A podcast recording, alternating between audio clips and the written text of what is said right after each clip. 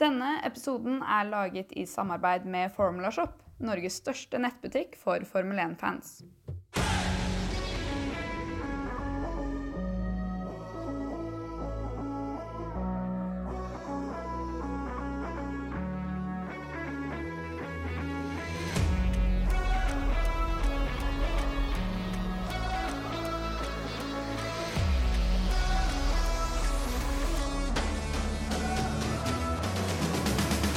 Max Verstappen var igjen tilbake på toppen av Formel 1-podiet etter en intens kamp med Charles Leclerc, som varte helt til målstreken av Saudi-Arabias Grand Prix. Men det er ikke det fantastiske løpet vi var vitne til mange snakker om i ettertid, da mye fokus har blitt rettet mot om løpet i Jeddah faktisk skulle blitt kjørt pga. et missilangrep i nærheten av banen. I tillegg krasjet Nick Schumacher stygt på kvalifiseringen, og hendelsen har med det satt fart på diskusjonen om denne banen rett og slett er for farlig. Og med det er vi i gang med en ny episode Lights Out, der vi skal prate om alt det som skjedde denne helgen i Saudi-Arabia. Ja, nei, hvor skal man begynne? Det skjedde jo litt av hvert, men du kan ta og roe ned nervene til fansen. Eh, Dere fikk med dere ultralyden til Pierre Gasli, ikke sant?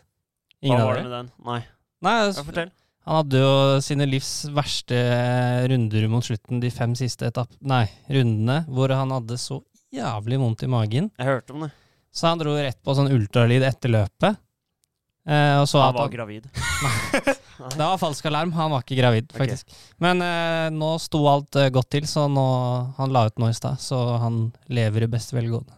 Det er bra. Det er, ja, det er mye, og det å gå på potta, det kan løse mye. Det Det er godt å ha med seg en frisk eh, Pierre ned til Australia. Det er fint, det. Men uh, vi kan jo starte med kanskje den største snakkisen fra helgen. Uh, missilangrep uh, på et oljedepot, som er da Aramco sitt oljedepot. Hovedsponsor av Formel 1, en av hovedsponsorene til Aston Martin. Cirka ni mil fra banen. Var det ikke enda nærmere? Var det ikke sånn Jeg tror det var 10 10 km kilometer? eller noe 10, mellom 10 og 20 kilometer. Ja. New York Times skrev 9 mil. Vi sier 10. Miles. Nei, altså det ble okay, ja, okay. 90 km, sto det. Jeg vil jo tro Ja, at de er ganske legit i sine kommentarer. Men man kunne se røyken eh, fra banen, i hvert fall. Og det var Jeg tror det var mer drama enn det norske medier fikk med seg. For her hadde jo Ja, førerne der eh, fikk norske medier skrev de noe om ja, Nei, for etter trening tre så satt førerne seg ned, og de ble sittende i fire timer og prate. Det var, det her var langt over midnatt hvor de satt, og sikkert 100 journalister som står utenfor det rommet og tar bilder eh, innen glassdøra. Påpeker det var vel trening to Trening to, ja, unnskyld. på fredagen. Mm, mm. Ja. Det, det jeg syns var veldig sånn dårlig med egentlig hele det opplegget der, var at det kom jo ikke noe som helst kommentar fra offisielle hold, eh, altså fra Formel 1. Det var jo egentlig bare journalister som sto på utsiden som kommenterte på Twitter. Det var jo sånn informasjonsflyten gikk gående. ja, så kom det vel ikke noe før på morgenen etter, da. De tenkte Mm. kanskje at ja, midt på natta kanskje ikke vits å legge ut noen pressemelding, men eh, ja, det, Og så veit man ikke helt hva de eh, ble enige om når de gikk ut av det møtet, om de hadde Fordi Russell gikk jo videre da til race control for å si hva de hadde kommet fram til, så det kan hende de måtte legge ut en Eller komme fram til en mening først, før de la ut noe, da. Ja. Han er jo leder av eh, hva kan jeg si, førernes eh, fagforening, eller hva man skal kalle det. Ja, det er vel han og Fettel, egentlig, men Fettel var jo ikke til stede denne Ja, for jeg mener Grosja var, før Ja. han eh, Ja, så er La Russell er en av hoved nå, i hvert fall. Mm. Men eh, jeg, jeg må si jeg er litt stolt av føreren nå, da. Det er bra å Selv om det ikke ledet til noe, så Eller de sa seg til slutt enige om å kjøre, så har de jo tatt et stand, da. Og der er jo ikke bare deres sikkerhet, det er jo alle sikkerhet, mekanikere og alt sånt, da. Men førerne har jo på en måte den makten at hvis ingen av de vil kjøre, så blir det ikke noe løp. Og ferdig med det. Ja, men føler du det? For jeg tenker at eh, når de valgte å sitte så mange timer som, timer som de gjorde, og de førerne er jo veldig opptatt av det med restitusjon, så tror jeg de egentlig var uenige at det løpet her ble gjennomført. Man har egentlig ikke kommet, det har ikke kommet noe ut hva som ble sagt. Nei, altså Andreas Seidel sa jo et intervju etterpå at eh, de ble enige. Eh, og at alle var med på det til slutt, sa han. Ja, men om det er da Om det, er at, om det er at en eller to av førerne har sagt nei, det vil vi ikke, men så har de sagt ok, greit, da. Vi bukker under for gruppepresset. Ryktene var vel at det var fem førere som var usikre på om de ville uh, gjennomføre helgen. Ja. Det er litt sånn som du nevnte da i chatten vi i denne podkasten har sammen. Det med at det er jo åpent for lagene om de vil delta. Det er frivillig. Mm. Eh, Du så jo før faktisk Formel 1 valgte å avlyse Australias Grand Prix i 2020 pga. covid, så trakk jo seg McLaren først. Mm. Det skal langt eh, til, og det sitter langt inne for lagene faktisk å trekke seg, tror jeg. For de taper ekstreme summer på det. Ja. Jeg regner med at de har fått Fått god forsikring da, om at det er trygt og så videre, men eh, ja, så er det hva, hva Når saudiarabere sier at det er trygt, hva, hva, Ja, hva trygt betyr er det? men uh, det, er, det er litt sånn derre Fansen Altså Historien med Saudi-Arabia Formel 1 er at uh, nyheten kommer at man skal kjøre i Saudi-Arabia, og så sier fansen ja, men vi vil ikke ha noe løp i Saudi-Arabia, det er Mm. mye skitne penger. Og så, og så ja, her er banen. Og så sier fansen faen, det ser jo dritfarlig ut. Så nei, vi skal kjøre der. Og så uh, treffer missilen, og så sier jo alle alle, alle Formel 1-fans at nei, nå, nå drar dere hjem. Vi trenger ikke noe løp nå. Men jo, det var nok eh. Jeg tror det var, var like mye et maktspill her at den helgen her skulle gjennomføres. Selvfølgelig, det er money talks. Ja, ja. Men da, da er da jeg spør, da. Var det riktig å gjennomføre Saudi-Arabias Grand Prix sånn som det ble? Ok, nå gikk det fint, men sett i ettertid, er dette her egentlig noe Formel 1, Liberty Media og FIA burde sagt vet du hva, her går vi ut. Altså, kan, vi kan vel ikke vite herfra om det er trygt eller ikke, med tanke på missiler ø, Basert på det som hadde skjedd, er, er det Var det en dårlig handling av det å gjennomføre, selv om det gikk bra? Vanskelig å si, men spørsmålet er jo når du først er der, da, og har gjennomført eh, Det var vel to treninger, at det da skal ganske mye til for å eventuelt droppe hele helgen, da, for det hadde jo satt eh, Ja, du hadde mista For det første du mista et helt løp, og så hadde du i hvert fall gjort forholdet til Saudi-Arabia, om de har planer om å fortsette der òg, egentlig til eh, Altså, det hadde vært helt krise. Mm. Eh, og så Så må du jo bare stole på så lenge altså, myndighetene der nede sier at det er trygt, så blir det jo vanskelig for dem å mene noe annet, og da blir det vel mer tvunget til å stole på det og gjennomføre det, da. Ja, jeg tenkte jo også den tanken at fra Saudi-Arabias side, da, så er de vel faktisk eh, sikre på at det er trygt. Ja. For tenk hvilken skandale det er om eh, det skulle hagle ned missil eh, nærmere banen. Eller eh, i baneområdet. ja. Det er jo altså de, de vil jo heller ikke at det skal skje. Altså for sitt eget renommé også. Nei, men så har du Du var vel denne hovedsponsoren til Formel 1 nå, som ble angrepet. Jeg vet ikke helt hva de tenkte om Nei. hele greia heller. Det er jo helt absurd. Men uh, nei, det kom mye bra memes ut av det. da. Det Ja. var mye sånn Netflix uh, Drive to Survive og Survive to Drive.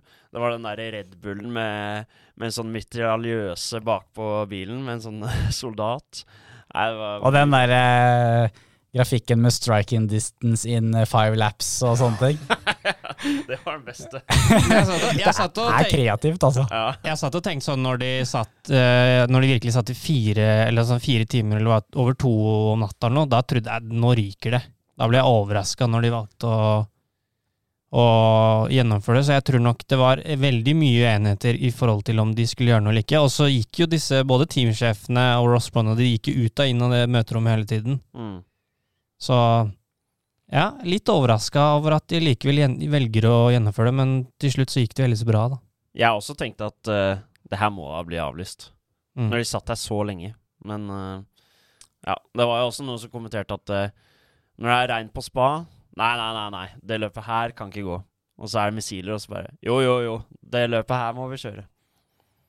Men det er jo, som du også nevnte litt tidligere, det, vi vet ikke Altså, saudiarabiske myndigheter hadde nok mer kontroll enn det vi som sitter eh, på berget her, har.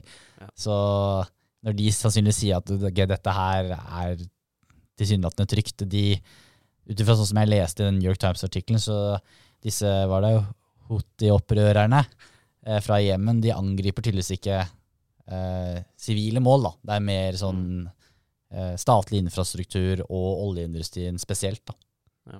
Men samtidig så tenker du Formel 1 er på plass.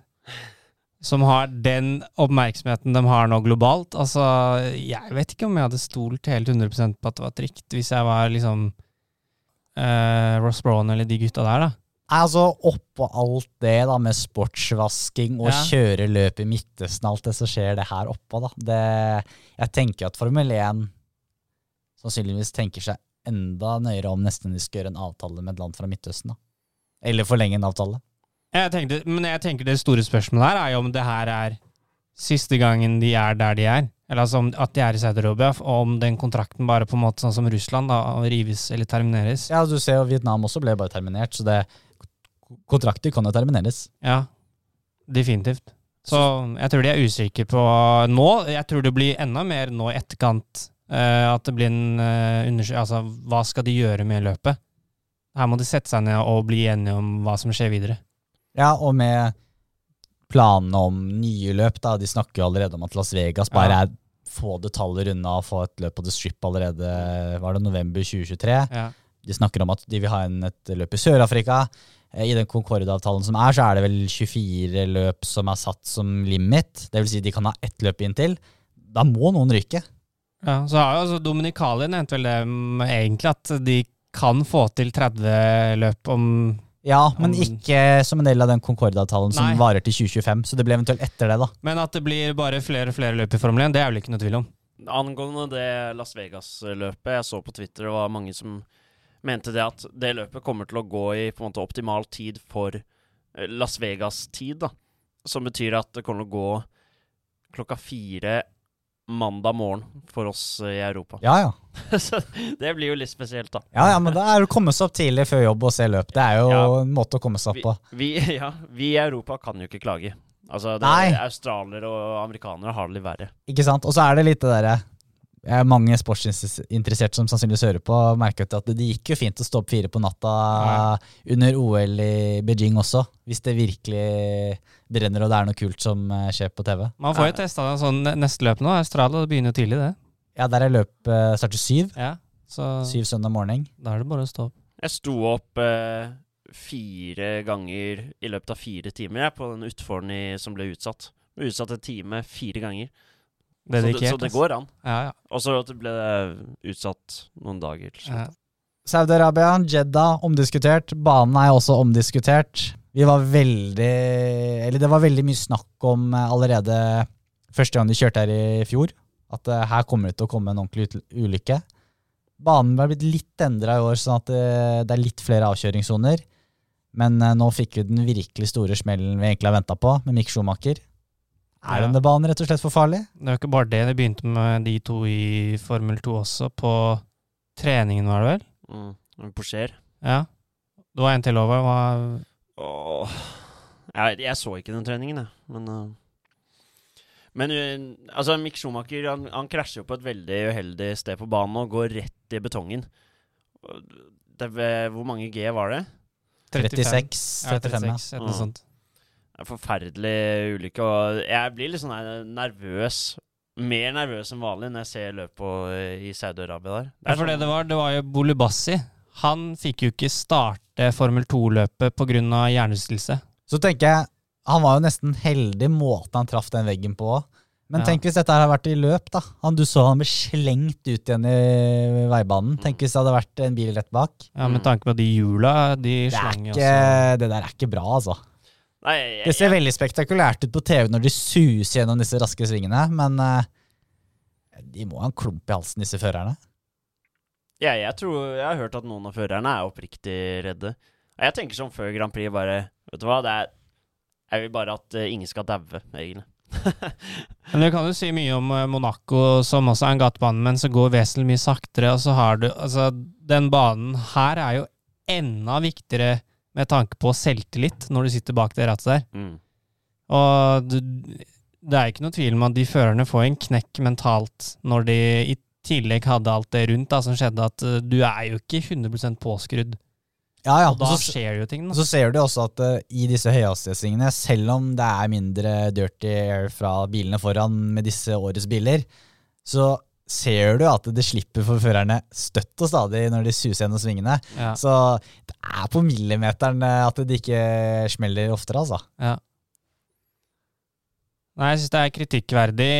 Jeg, jeg syns ikke den banen Ja, den er kul å se på, men jeg syns ikke den banen har noe Det er en veldig rar måte å konstruere en bane på nå, i Ja. disse tider. da. Enten så må de gjøre noe med at det blir litt lavere fart på en eller annen måte, eller så er de ned altså, Eller så må den bare ryke, spør du meg. Altså, hvor stygg må ulykken bli, da, før man gjør noe med Ja, det er det som er problemet. da, Jo lenger og lenger du forsker nå, så kommer det til å bli enda styggere enn det Mick eh, eksempel var involvert i. Hvis du så bilder i etterkant av den krasjen her, så så man at uh, Halo-bøylen igjen redda livet til Mick Schumacher. For det dekket, det løsna jo og uh, dunka inntil Haloen før den spratt ut. Mm. Det er rart at det ikke har vært flere ulykker med dekk og sånn tidligere før den Halo-bøylen Ja. kom. Ja.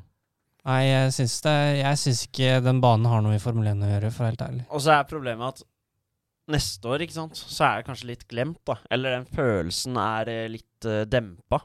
Så det er på en måte Vi snakker om det nå, så blir det litt glemt da over året, og så er det ikke gjort noe med. Men vi får håpe den eh, nye banen eh, kommer på plass, og at den blir OK. Ja, For det er det jo snakk om at det skal bli en ny bane. Yes, i ørkenen. Og Ja. da tenker jeg altså, Der er problemet til Formel 1, da, for jeg syns mye av det Formel 1 har å gå på, det er å få bra baner. Det er altfor mange baner vi kommer til som bare er sånn passe, som ikke er så bra. da. Her har Saudi-Arabia en hel ørken å, å bygge på. Bare, bare gjør det, da. Få en bra bane og, som er litt trygg òg. Jeg er enig. La oss da snakke om eh, rosinen i pølsa, selve Saudi-Arabias Grand Prix. Kan starte kjapt med kvalifisering. Sergio Perez tar eh, pole position som første meksikaner. Da har han både én seier og en pole position eh, på resultatlista si.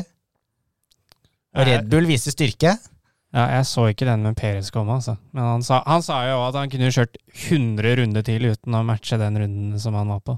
Altså, Han var så på limit. Det Ja. var som å se Max Verstappen mot Hamilton i fjor, bare at uh, Peres ikke kjørte i veggen Mm. på siste svingen. En helt utrolig morsom kvalik, fordi hadde Verstappen kommet på andre og Peres på en måte bare så vidt hadde slått han, så hadde det vært sånn Det hadde vært overraskende, men ikke så overraskende. Men når Verstappen kommer på fjerde, den er ganske spesiell. Ja, Så var det vel nesten 400 deler bak òg, var det ikke det? Det var vel noe sånn fire tideler, da. Ja, det var vel rundt to, tre. Ja, fire tideler, Litt over to Ja. tiendedeler var det. Men så hadde du jo det største sjokket i den kvalifiseringen, var jo Louis Hamilton. Som, eh, som egentlig sa, sa etter kvalifiseringa at han gikk for et veldig aggressivt setup. At det hadde noe av årsakene å gjøre, men Det da- så jo ut som det setupet eh, også funket ekstremt mye bedre i løpet, da. Ja, så det var jo hovedsak det han Han satte jo bilen opp for løpet, eh, og på en måte ofra kvalifisering litt, men det spørs om han ofra han litt for mye sånn i ettertid, da. Og det trodde jeg aldri at jeg skulle få se i min eh, livstid, i hvert fall. Det er altså det er at Hamilton ryker ut i Q1. Uten å krasje eller kjøre ut. Ja, der kommer Lance Stroll og bare knocker han ut. Så det Nei, da Det var på en måte litt blanda. Jeg lo litt, og så syntes jeg litt synd på han også. Og det at Russell faktisk får det til, gjør det Ja, Hva skal vi si om det at Russell nå i sin første sesong i Mercedes faktisk totalt sett har prestert bedre enn Hamilton? Nå fikk jo Hamilton en bedre plassering i Bahrain, men sånn totalt sett så ser det ut som Russell er et lite hode foran Hamilton.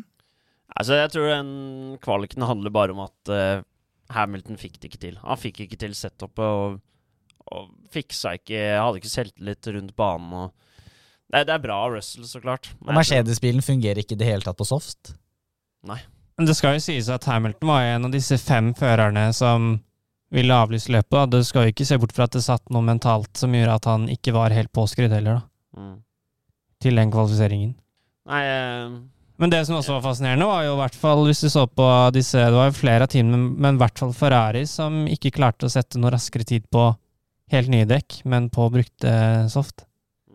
Ja, men det var veldig spesielt med tanke Ja. på dekkene, da. Ja. Også under løpet. Ja. Eh, Du så eks hvor ekstremt lenge de harde dekkene holdt, f.eks. Man kan jo si at den eh, levetiden de sa at dekkene skulle vare lenger i år, den har jo foreløpig bestemt. mm. Vi har angående George Russell eh, vis-à-vis Hamilton, så har vi et spørsmål fra Håkon Fure Gjerpseth. Kan George Russell ta flere poeng i sammendraget enn Hamilton? Jeg begynner å lure på om det faktisk er en realitet. Jeg sier nei. Jeg tror fortsatt Hamilton kommer. Eh, men eh, Altså, jeg, jeg tippet jo også Mercedes på andreplass i konstruktør, og jeg har fortsatt tro på Ja. det. Men eh, Nei, det er eh, Hamilton Det er som Viaplay eh, Eller Viasat eh, sa. De, han virker litt resignert. Jeg skjønner nå, da. Han har jo vunnet sju VM-gull. Var så nærme i fjor. Så, han er jo ikke Han er ikke Formel 1 for å bli nummer ti. Han vil ha en bil som er på topp, og når han ikke merker at den er det, så så blir jo han Altså, det har noe med mentalt, da. Og Russell som kommer til toppteam, han vet at han heller er en konkurransedyktig bil, da. Og på en måte lever litt på den bølgen, og at han kommer inn i et nytt team, så er det ikke så rart at det er litt forskjell på dem nå i starten, i hvert fall. Men hva tror du da på slutten av året? Hvem Jeg- tror du står med flest poeng? Jeg, jeg, jeg er overbevist om at uh, Hamilton kommer til å slå tilbake, og, og jeg er overbevist om at Mercedes ja, Hvor lang tid det vil ta om det man ikke vet nå, om det, om det er et motorproblem eller hva de har, men de har så mye ressurser, da. Og det blir så overraska om de ikke eh, i løpet av sesongen på et eller annet tidspunkt eh, tar igjen Eller altså kan eh, konkurrere med Ferrari og Red Bull, og da kommer Hamilton til å levere som han har gjort tidligere. Ja, for nå skal det sies at selv om Mercedes gjør det svakere enn f.eks. de har gjort siste nå åtte årene, eller hva det er, de er ikke helt på jordet. Nei. De er ish tredje-fjerde beste bilen. Mm. Eh, eksempel McLaren sliter mer.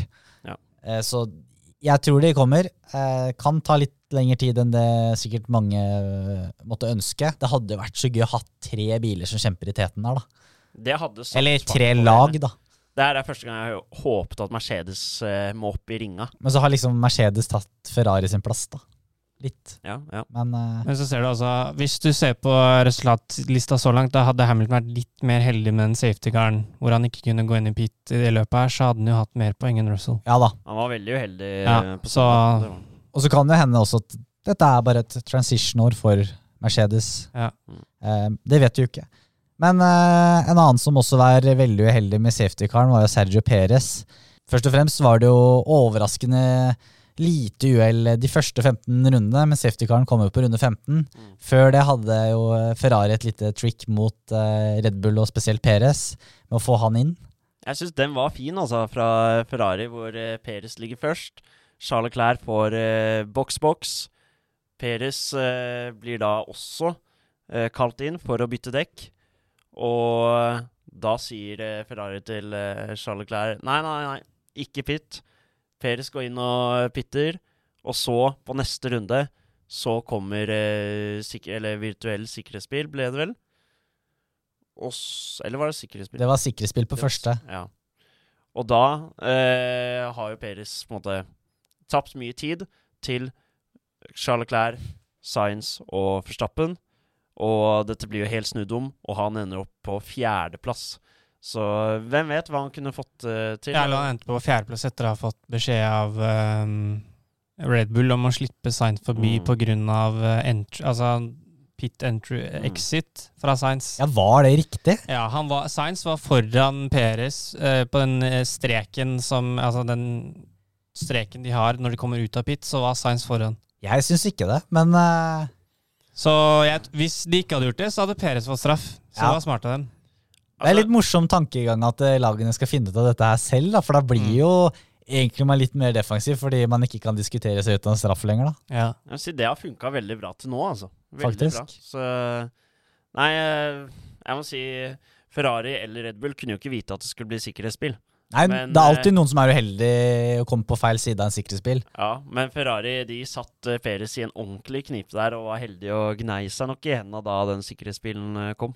Mm. Samtidig er jeg sånn usikker på om Perez hadde hatt pace nok til å holde Charles og Max bak, da. Ja. Jeg føler Per nå så ser du Ser du litt at det er en førstefører og en andrefører i begge teamene, føler jeg. da. At de Mm. to, Perez og Sainz, mangler det siste lille for å være med de to andre. Mm. Ja. Jeg tenker jo det, jeg òg, når Mm. jeg ser eh, de gutta suse av gårde på slutten her. Men om du tenker lagmessig, da. Så jevne Ferrari og Red Bull er, da. Mm. Det er liksom små justeringer eh, fra løp til løp da, som gjør at det endrer eh, dynamikken litt. Ja. Er jo ikke det fantastisk? Det er helt rått. Det er akkurat det vi ville ha. Hvor mange Altså, ja, vi hadde det i fjor, uh, men hvor mange andre sesonger er det man har hatt det, da? Det er veldig lenge siden. Vi ser jo det siste ti rundene her med Max Verstappen og Charles Leclerc. For en racing. Vi sa det eh, første løp i Bahrain. Men nå var det jo gang i ti av det vi så da. Mm. Så Ja. synes jeg er litt kult da, at du ser en Charles med ganske høy selvtillit, for han, han kjører ganske taktisk smart det med at ingen av dem ville ligge først i forhold til DRS og sånn. Han tenker ganske smart når han kjører, og det overrasker meg lite grann. Men det med det der med DRS, at ingen vil først, Mm. det er jo noe som på en måte har kommet litt med de nye bilene nå. Eller de, de to løpene her, da.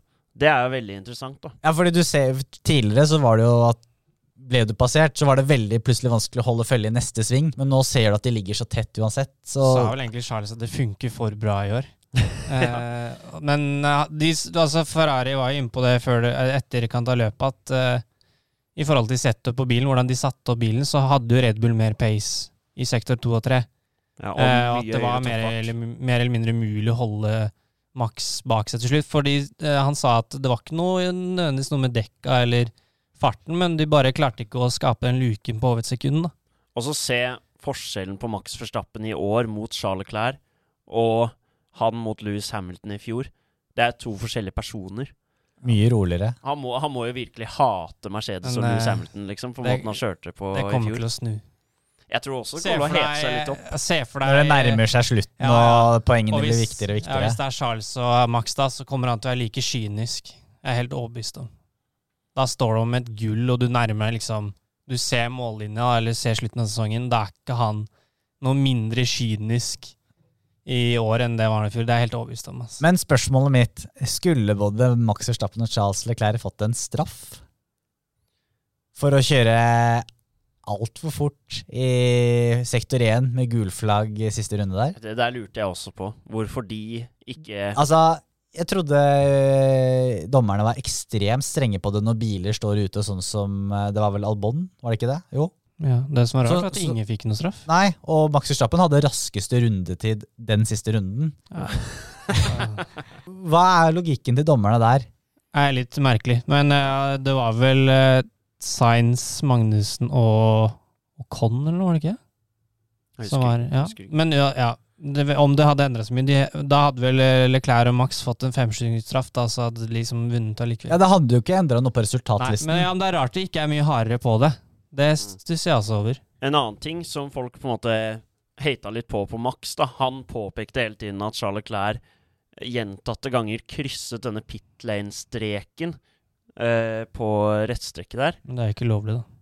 Nei, og det, det var noe de slo veldig hardt ned på i Østerrike i fjor, mener jeg. Mm. Da var det noen rookies eh, som fikk noe fem sekunder. Ja, Men er ikke det bare på exit? Men det er exit du Nei, ikke har lov til å det- krysse men den hvite det var på veien. vei inn. Ja, men det, I Østerrike så var det på den på veien som de kryssa. ja, det er rart. Da mener jeg at eh, flere Men, fikk eh, fem sekunders straff. Reglene er exit og ikke inn. Ja, jeg mener de fikk ganske bra straff. Men eh, som vi har diskutert tidligere, så er jo altså, dømming i Formel 1 er jo litt sånn eh, løft en finger opp i været og se hvilken vei eh, vinden blåser. Ja. Og så er det litt sånn Det er, det er nye løpsledere i år, og ting er litt nytt, så vi, vi får se hvor lista ligger, kanskje Ja. før, før vi begynner å kalle det inkonsekvent eh, dømming. Men vi snakket jo litt tidligere om eh, kampen mellom Leclerc og Verstappen. Hva med kampen mellom eh, lagkameratene i alpin? De hadde jo ekstrem eh, tett og tøff racing i flere runder. Og det var jo nesten Begge bilene gikk i veggen både én, to og tre ganger. På lang sikt så tapte de jo veldig mye på det, men skal vi egentlig bare hylle Ottmar Staffenhaver og resten av alpingjengen for å ikke si noe før det har gått syv-åtte runder? Det var bra TV, da. Nei, jeg stussa Jeg stussa over den uh, konkurreringen der, men uh, Teamledelsen i alpin må ha sittet med hjertet i halsen. ja, de tapte jo en del på det òg. Veldig. De ble vel hentet av både Bottas og Magnussen. Magnussen. og Riktig. Altså, det er bra for uh, fansen, og BVT og alle de altså, andre sponsorene fikk jo masse TV-tid. Men uh, Ottmar satt jo og rista på hodet, og de tapte jo masse tid. Og det er veldig gøy å se, men egentlig så er jeg veldig Jeg er ikke så veldig fan av de lag... eh, eller racing blant lagkamerater, for jeg syns det er litt dumt. Men akkurat i dette tilfellet så er det litt sånn eh, Hva skal de gjøre? Fordi de er litt likestilte. Ja, men det så ut som Ocon var klart raskest, da. Ja, nei, nei, det var jo Alonso som jakta han flere runder der, da. Eller var det omvendt? Ja.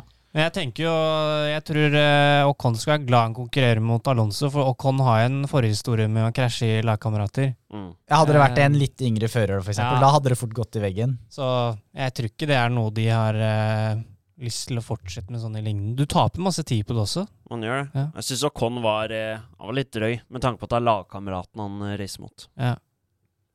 Hva skal vi si om eh, totalt sett helgen og strategien til Mercedes? De var jo litt uheldige med, med Hamilton. Han, han gjorde et godt løp på søndag, og han hadde fått uh, et bedre resultat. Ja. Så han kommer i mål der, og Ja, det var P10 Hamilton, sorry. Vi skal, vi skal gi deg en bedre bil etter hvert. Og så sa han, svarte han er det, er det poeng for den plassen, egentlig? Jeg syns, eh, jeg syns starten er Altså, du kan Med tanke på det nivået de har vært tidligere, så er det jo dårlig, men de er jo fortsatt De er jo faktisk nummer to i konstruktør så langt, så det har ikke vært helt svart heller. Nei da. Nei, nei. Men eh, ja, med tanke på hva du forventer av dem, så har de jo hatt en tung start. Men eh, jeg syns de gjør en ja, grei helg. Hva med McLaren? Lyspunkt denne helgen med Landon Norris. Ja. Virker spesielt han som har mye bedre pace nå enn i Bahrain. Er dette et engangstilfelle, eller er de virkelig funnet ut noe på bilen som gjør at de nå er på vei oppover? Andreas Seidel har vel sagt at eh, de skal være ganske forsiktige med å gjøre justeringer. At det må gjøres Det er ikke bare å skyte i hytt og pinne. Du bør vite hva du skal gjøre. Yes. Hvorfor, eh, hvorfor du gjør det. Mm, og jeg tror nok McLaren og Mercedes kommer til å bruke noen løp da, på å samle data. Og når vi kommer til Europa, som eh, sikkert hver eneste ekspert på TV har sagt, så er det litt eh, lettere med nye oppgraderinger. Det, det, det, det kommer seg nok for både McLaren og så er det et helt annet klima og for, helt andre forhold i Europa også Mm. når du kommer til eh, Italia enn det er både i Bahrain og Saudi-Arabia. Ja, ikke sant. Og tidlig vår i Italia der, så kan det bli bra. Så må de finne ut av problemene før sommeren, da. det er absolutt lurt. Men uh, vi har fått et innspill uh, angående McLaren her. Uh, hva skjer med McLaren? Det har vi nettopp svart på. Og spesielt med Ricciardo. Han virker så ferdig som Formel 1-fører, spør uh, Kenneth André Sørensen. Du så jo en liten gnist eh, når han faktisk hadde en litt kompetitiv bil i fjor, da. Eh, på, ut på høsten her.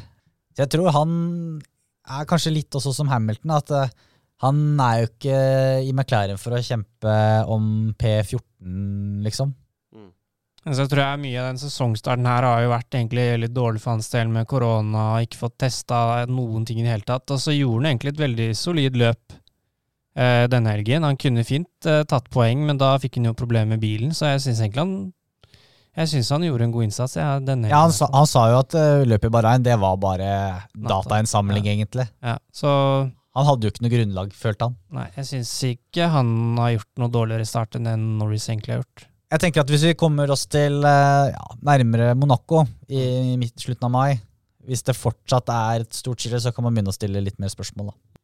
Altså, jeg er enig. Det, er, det, det ser ganske mørkt ut nå, men eh, Det er for tidlig. Ja, det kan bli bedre. Men jeg må jo si at på en måte sånn som man så på Ricciardo for et par-tre år siden, da, så var det ok, han er helt der oppe med Hamilton og Max Verstappen, og nå har man på en måte begynt å sette spørsmålstegn ved det, da, fordi han blir stadig slått av Landon Norris, og, og så har han en dårlig bil, og det hjelper jo ikke det. Nå tenker vi om Has og Kevin Magnussen. da. Klarer å få poeng igjen. Ja, han, eh, han var jo utslitt, stakkars, etter det løpet der, med, i hvert fall i nakken. Han var eh, helt ferdig. Eh, Jeg syns det er legendarisk kommentar av Ginter Steiner han ble spurt. Jeg er du fornøyd med to poeng, bare?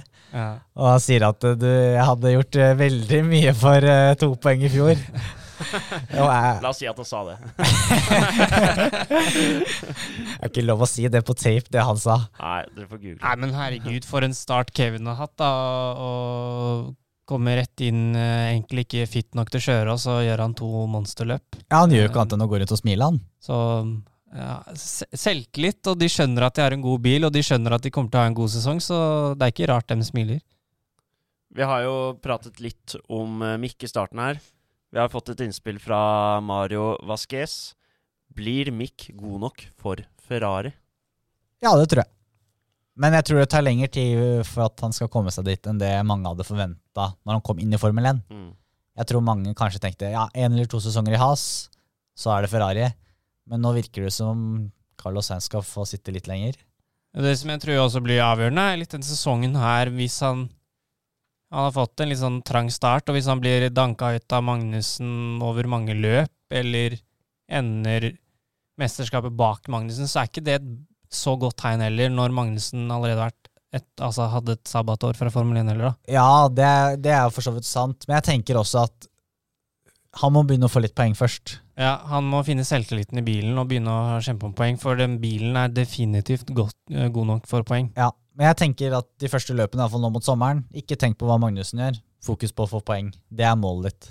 Det kan jo, altså Som for Carlos Sainz, da, så Hvem hadde trodd at han skulle sitte i Ferrari da han var i Torre også, med Max Verstappen, og Eller når han ble kasta ut av Renault, liksom. For eh, vel en tre år siden. se hvordan ting har utviklet seg der, men ja. Så jeg, jeg tror kanskje ja, tre år til, da, for eksempel.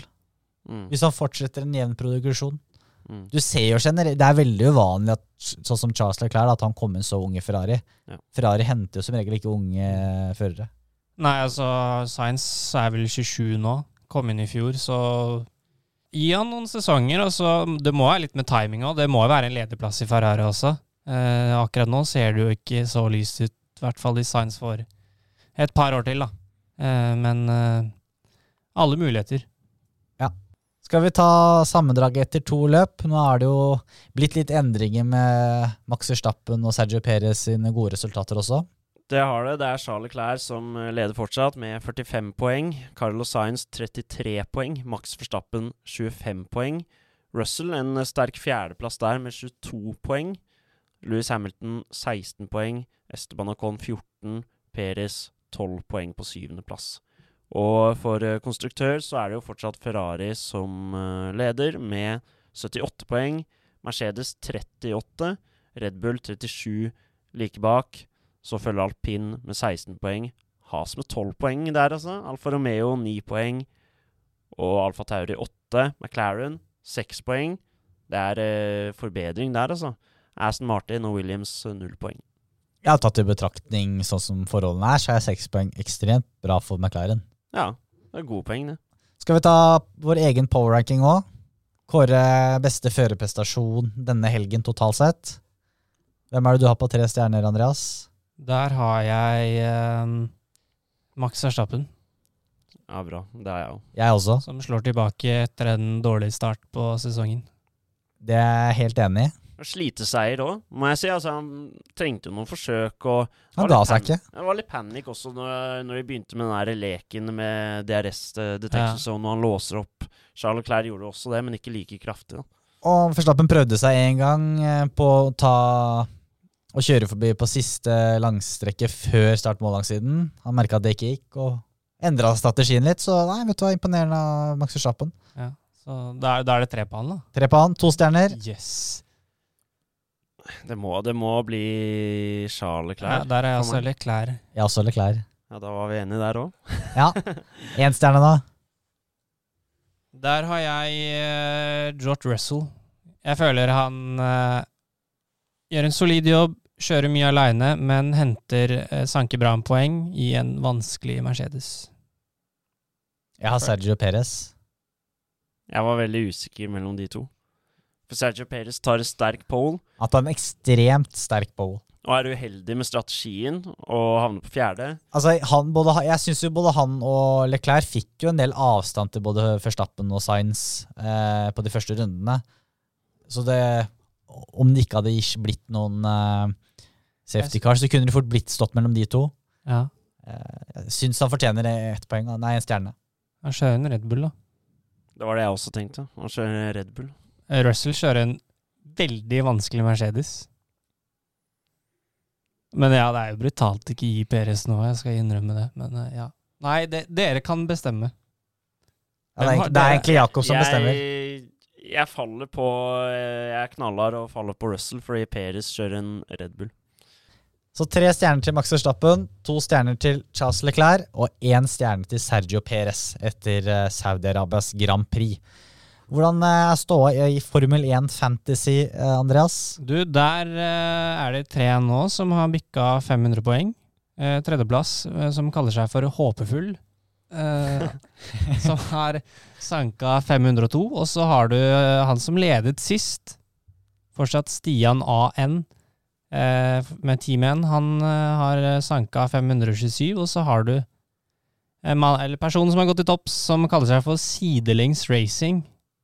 Erlend, som eh, har sanka hele 533, og han traff jo eh, Gunna på med Megadriver den helgen her, og traff på Max Verstappen, så der eh, sanka han mye poeng.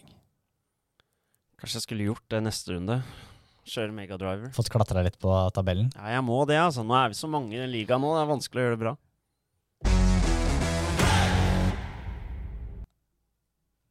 Dennis Hauger kjørte også løp i Saudi-Arabia, og ja, hva skal vi si, Jakob? Det er eh, kontroverser her også. En uh, kaotisk helg starter med at uh, han ikke har nok uh, drivstoff til å gå ut på siste forsøk i kvaliken. Blir dytta ned til ellevteplass, som er sikkert den verste plassen du kan havne på i Formel 2. For det betyr at du ikke Altså, P10 er jo pole, fordi det snur rekkefølgen. Men senere på kvelden så blir Jack Doon disket. Dennis rykker opp til P10, som er pole position, på lørdagen. Det skjer masse under det løpet, som betyr at det er, det er mange runder bak safety car. Og der kjører Dennis inn i pit, fordi han har fått beskjed om det. Prema Tre ganger, beskjed- eller to, eller hva var. Prema har fått beskjed om det. Men nei, det var en kontra der fra Race Control. Det skulle det ikke. Dennis, som allerede hadde kastet bort uh, seieren og uh, var nede på tolvteplass, tror jeg, får da en straff og havner på desidert sisteplass. Jeg må jo si det er en skandale for uh, Altså, i løpet. Men hvem har rett? Er det Prema, eller er det Race Control som har rett? Nei, så Det Race Control mente, var jo at uh, Dennis selv burde sett dette røde krysset som uh, blinket uh, idet han kjører inn i pit. Eh, så de la jo egentlig mest av skyld, altså skylden på han, og så mener de jo at føreren er den som er ansvarlig for å følge med på det som blir vist på banen. da. Men Det er jo i teorien sant også, det da. er jo beinhardt å melde, da. Altså, han må jo stole på teamet sitt når han får beskjed om å gå inn. Altså, han gjør ikke noe feil. Jeg må si det er faktisk helt tilbakestående Ja, å det melde det. helt fordi når Race Control kommer kontra så kjapt, og de åpenbart har uh, tatt en feil melding om at de skal kjøre gjennom pit, uh, som de igjen snur på De må ta noen av, noe av skylden selv, da. Og så sier folk ja, men det er føreren sitt eh, ansvar å se på skilter og Dennis er jo Han er Formel 2-fører. Selvfølgelig kan han de skiltene der. Det sitter jo folk med Altså, vi Formel 1-fans skal sitte med tre skjermer og ha full peiling i- hjemme i stua. Selvfølgelig vet han eh, Men hvem sin skyld er det, da? han de skiltene. Nei, det, jeg syns det er litt motsigninger mellom Prema og racekontroll. da, Fordi Prema mener at de forsikret seg to ganger før Dennis eh, kjørte inn. da. Men de tør jo ikke å si noe, for de har jo driti seg ut, de òg. Ja, ikke sant? Og det blir sånn, hvem, hvem skal man tro på? da? Og men jeg mener at uh, racekontroll racekontroll må i hvert fall ta noe av skylda. Så når de har sendt han gjennom pit, og han har havnet på tolvteplass, så ikke gi han straff, da, i hvert fall. Nei, altså, det holder med at han er nummer tolv. Ja, det er jo straff nok. Og når Ja. de har på en måte først bedt han kjøre i pit, og så endrer det Om den ble endret før Dennis rakk å kjøre i pit, det vet ikke jeg, men Det er litt som eh, på fotball. eh, Straffespark og rødt kort Ja, samtidig. Det er så tullete sånn dobbeltstraff. mm. Altså, Tenk om det her hadde skjedd i et Formel 1-løp, da. Hvor mye blest det hadde blitt rundt det der. Det Men hvis det er tidligere når sånne ting, lignende ting har skjedd i Formel 1, så har du jo endt opp med at Race Control har sagt det er føreren sitt ansvar. Ja, for Hamilton fikk en lignende straff i fjor, eller for ikke så altfor lenge siden. Ja, og jeg mener å huske det også var noe Ja. lignende. Ja, men det var veldig enkelt. Det var pit lane var stengt. Ja, Det var jo det her òg, da. her Det var jo bare Dennis Hauger som kjørte inn. Nei, men han fikk jo først beskjed om å kjøre inn i pit, og så ble det endra. Hvorfor var det ingen andre som kjørte inn? For, men det De var- altså- ja, men problemet er at uh, det er jo enklere for uh, Altså, nå var det Williams som var nummer to, da. Ok, han må ta et valg, men de bak de kan jo bare følge Williams og røkla. Så det er Williams som tydeligvis har fått en annen beskjed her. Og da syns jeg altså Prema må ta selvkritikk. Ja, for da er det da Prema som sikkert har fått en beskjed som de ikke har klart å formidle, da. Det kan godt hende det, men når to beskjeder blir Altså når det kommer kontra så kjapt, da, så blir det litt sånn Men de burde jo rukket det, for Williams er jo i rumpa på Dennis, og han kjører jo rett fram. Han har jo tydeligvis fått en beskjed om at du skal ikke inn i pit. Eller så har han valgt å følge det krysset som Det virker som dette her er egentlig en sak Ja. alle Nei, skylder er- på alle, da. Ja, men problemet er at det er helt høl i huet, og han hadde vunnet det løpet, for du hadde vel egentlig bare seks eller fem runder hvor du gikk i full fart. Og du ødelegger egentlig Ja, sånn som Dennis sa, da, du er med på en ødeleggende karriere, da. Det er det som er irriterende. Ja. Sett bort fra det som skjedde på sprintløpet, da, så var jo hovedløpet på søndagen. Da fikk han, han seg en opptur og kjørte ganske sterkt. Da klatra. Fikk sine første poeng i Formel 2. Da har i hvert fall noe positivt eh, å avslutte helgen med som du kan ta med deg videre, videre i sesongen. Ja. Veldig sterkt. Uh, Han kjører bra, han gjør det. Han kjører veldig bra. Han uh, blir jo starta på, på en måte mediumdekka, eller hva man skal kalle det. Og Jeg syns han ble liggende litt lenge. ja, med. alle syns nok det. Jeg tror faktisk Prema venta på en safety car, altså. For de regna med at det skulle skje i løpet av løpet. Men uh... Det er lov å ta den sjansen, da. ja da, ja da. Uh, Darvala klatra jo noe voldsomt. Ja. Men uh, det var litt synd. Men eh, ja. Tenk hvis, det hadde- skjedd en safety car, da, da hadde man hylla Prema for eh, den strategien de hadde valgt. Ja, ja, absolutt. Men eh, Nei, det mye rot fra Prema, så jeg merker jo det på sosiale medier hvor oppheta folk blir. Jeg tror, jeg tror ikke nordmenn er eh, noe bedre enn eh, nederlendere, for å si det sånn, når det gjelder når det gjelder det her. Det er mye følelser. det er mye, Jeg tror ikke det er gøy å være admin på Prema sine sosiale medier når sånne ting skjer, men uh, ja, ja, ja. Det, det er litt gøy òg, da, at det engasjerer oss så mye. La oss gå videre til spalte.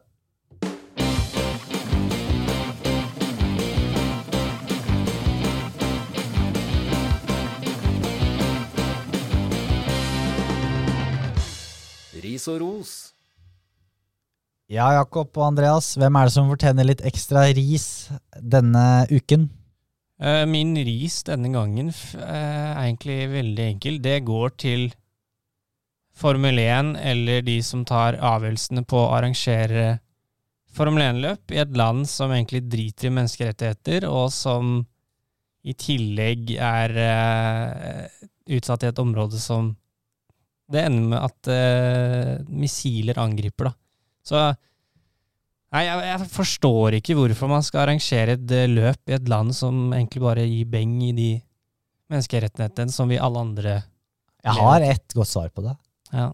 Penger. ja, Men eh, på et eller annet tidspunkt da, så må penger se, ses bort fra. For at eh, Formel 1 som brand òg, ja, greit, eh, fotballen er pokker meg ikke noe bedre, men uh, Ja, så jeg tenker Det er nok av steder og baner som vil betale store summer for å få Formel 1 Nettopp rundt det. om i verden. ja. Så jeg, jeg, jeg, jeg er litt så- enig. Ja, min ris gikk egentlig til, eh, til det samme. Jeg syns de taper seg mye på det med baner. Nå går det rykter om at eh, Spa ikke er med på 2023-kalenderen. Oi. At den ikke skal med. Og da, da, da drar det altfor langt. Ja, men det, det er jo ikke Det er bare fake news. Altså, så Nei, mye det- penger de har putta inn i oppgraderinger på den banen til i år. Gå litt prat om det, skjønner du. Fordi Hva er grunnen? Men igjen, da. Hvis, At, hvorfor det ikke skal kjøres der. Ja, Er det fordi de Spike har nok penger å putte inn? Ja, at det, ja, eller at de det kommer en, annen, eh, et, en annen nasjon og bare klasjer på med cash, og så får Selvfølgelig de løpet betaler sikkert Saudi-Arabia mye mer race fee eller hva de kaller det, enn det Spa gjør. Men uh, Det, det høres jo helt utenkelig ut. Ja. Det gjør det, for det er kanskje den råeste banen på kalenderen. jeg vil jo tro at disse gamle ærverdige banene i Europa har en eller annen form for avtale som gjør at de ikke må betale så mye. Tyskland Ja. har ikke det, da. Nei. Så Nei, det er helt uh, høl i huet. Jeg syns Formel 1 gjør så mye bra, da, og så har de noen ting som bare Ja, de taper mye på det. Jeg kan Men, ikke eh, tro at Spa ikke skal være med. Men tenk Nei, jeg kan heller ikke tro det, men eh, de, altså, de har jo tapt mye penger under korona. Hvor det ikke har blitt så mye løp, det har ikke blitt folk på banen, de har ikke fått inn de store summene. Og nå, eh, nå skal de ta inn det. Men eh, egentlig bare valg av eh, baner og hvor langt man går, da, for å det, det er skadelig for Formel 1 da, å se kjedelige løp. Nå ble det ikke noe kjedelig løp i Saudi-Arabia, men eh, de beste løpene får man på de beste banene ofte. Ja, så er det jo litt sånn med tanke på at uh, den posisjonen Formel 1 har fått, uh, og har fått så mye nye fans, og de får jo inntekter av det, og da syns jeg du pisser på produktet litt med at du skal være så sykt opptatt av å ha eh, så mye cash in bare for å ha løp et sted som egentlig aldri burde vært arrangert. Jeg tenker at du i hvert fall beholder på noen av disse gamle klassikerne. da. Ja. Eh, selvfølgelig Monaco er viktig, men eh, Spa er en av de gamle store sammen med Silverstone. Så det, jeg tror det er viktig å holde på de. Mm. En eh, god blanding med å ta vare på tradisjoner. Og ha nye, kule bybaner og lignende. Mm. Ja. Min ris går til Formel 1 Fantasy. Å, Første er at det er, synes jeg er en veldig dårlig side å navigere seg rundt. det er det. Den er helt ræva. Og så, eh, jeg vet ikke om dere har opplevd det, men min hopper over til tysk Ja, hele det gjør det hele tida, selv om jeg bytter. Ja, og, Sjukt og jeg er ikke noe god på tysk. Nei. Det tror jeg er for dere med iPhone, kanskje. Men jeg får ikke logget inn på mobilen, på appen. Jeg må inn på PC-en hver Ja, gang. så jeg tenker det der må være mulig å fikse. Ja, jeg støtter deg i den. Den er eh, ræva, den siden der.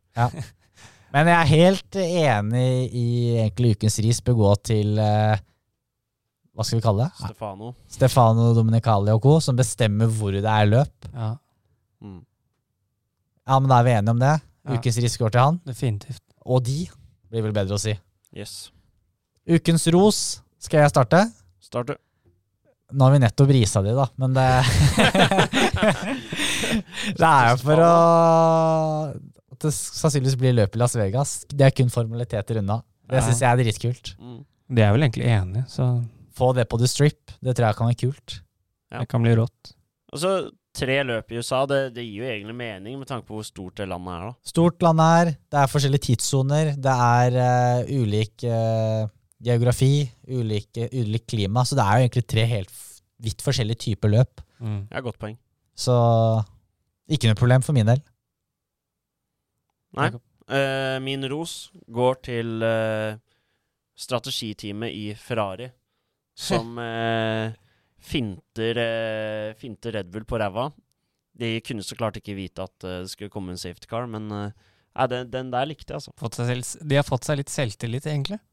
Ja, Ja. det er noe annet enn før, i hvert fall. Hva med deg, Andreas?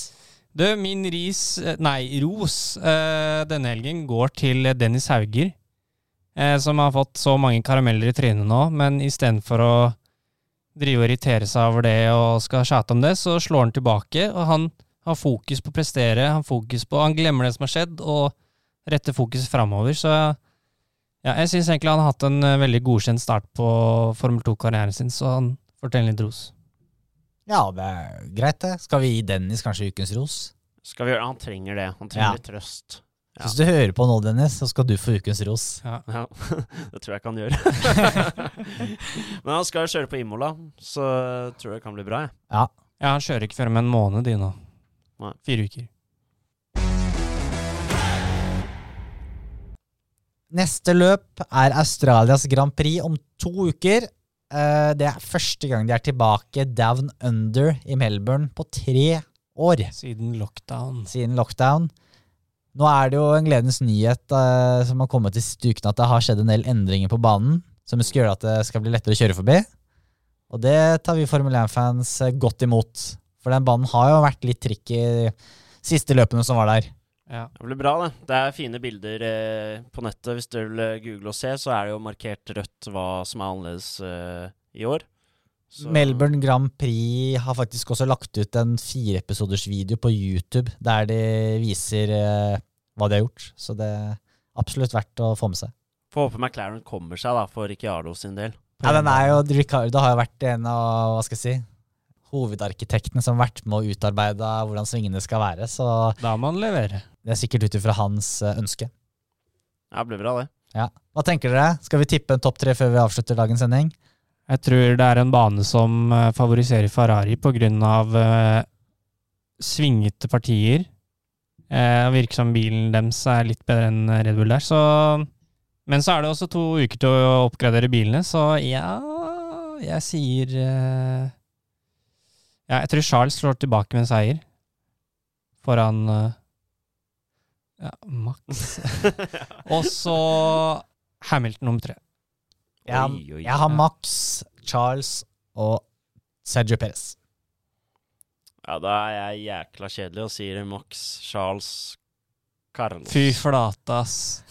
Kjedelig. Hva skal man si, det? Du, uh, Kunne tatt en si- Kevin Magnussen, Magnussen, for eksempel. Magnussen Jeg kan si eh, Latifi. det tror du ikke på Men det kan jo. Magnussen, med Has-bilen som har en sterk motor, kan jo virkelig eh, gjøre noe ugagn eh, på banen Ja, eller se en av disse alpin-gutta. Ja, Alpinbilen er også sterk. Det er ikke noe Ja, garanti for at Ferrari Red Bull er 1, 2, 3, 4 i hvert eneste løp. Nei, Så det kan jo skje ting. Så du Latifi eh, endra løpet igjen, eller? Ja, Ja, han, ja. Sånn som i Abu Dhabi? han er i ferd med å bli litt nye Mazepin, altså. Han Henger baki der. Ja, han har en Ja. tradisjon nede i Midtøsten for å eh, måte være avgjørende i løp. Albon ser i hvert fall litt eh, Han fighter litt, i hvert fall, men Latifi dunker. Altså, han bare dasser baki Ja, han klarer det ikke. Ja, nei. Men Australias Grand Prix er uh, kun ti dager unna, så da er vi tilbake om to uker. Så takk for i dag. Takk for i dag. Ha det bra. Ha det bra.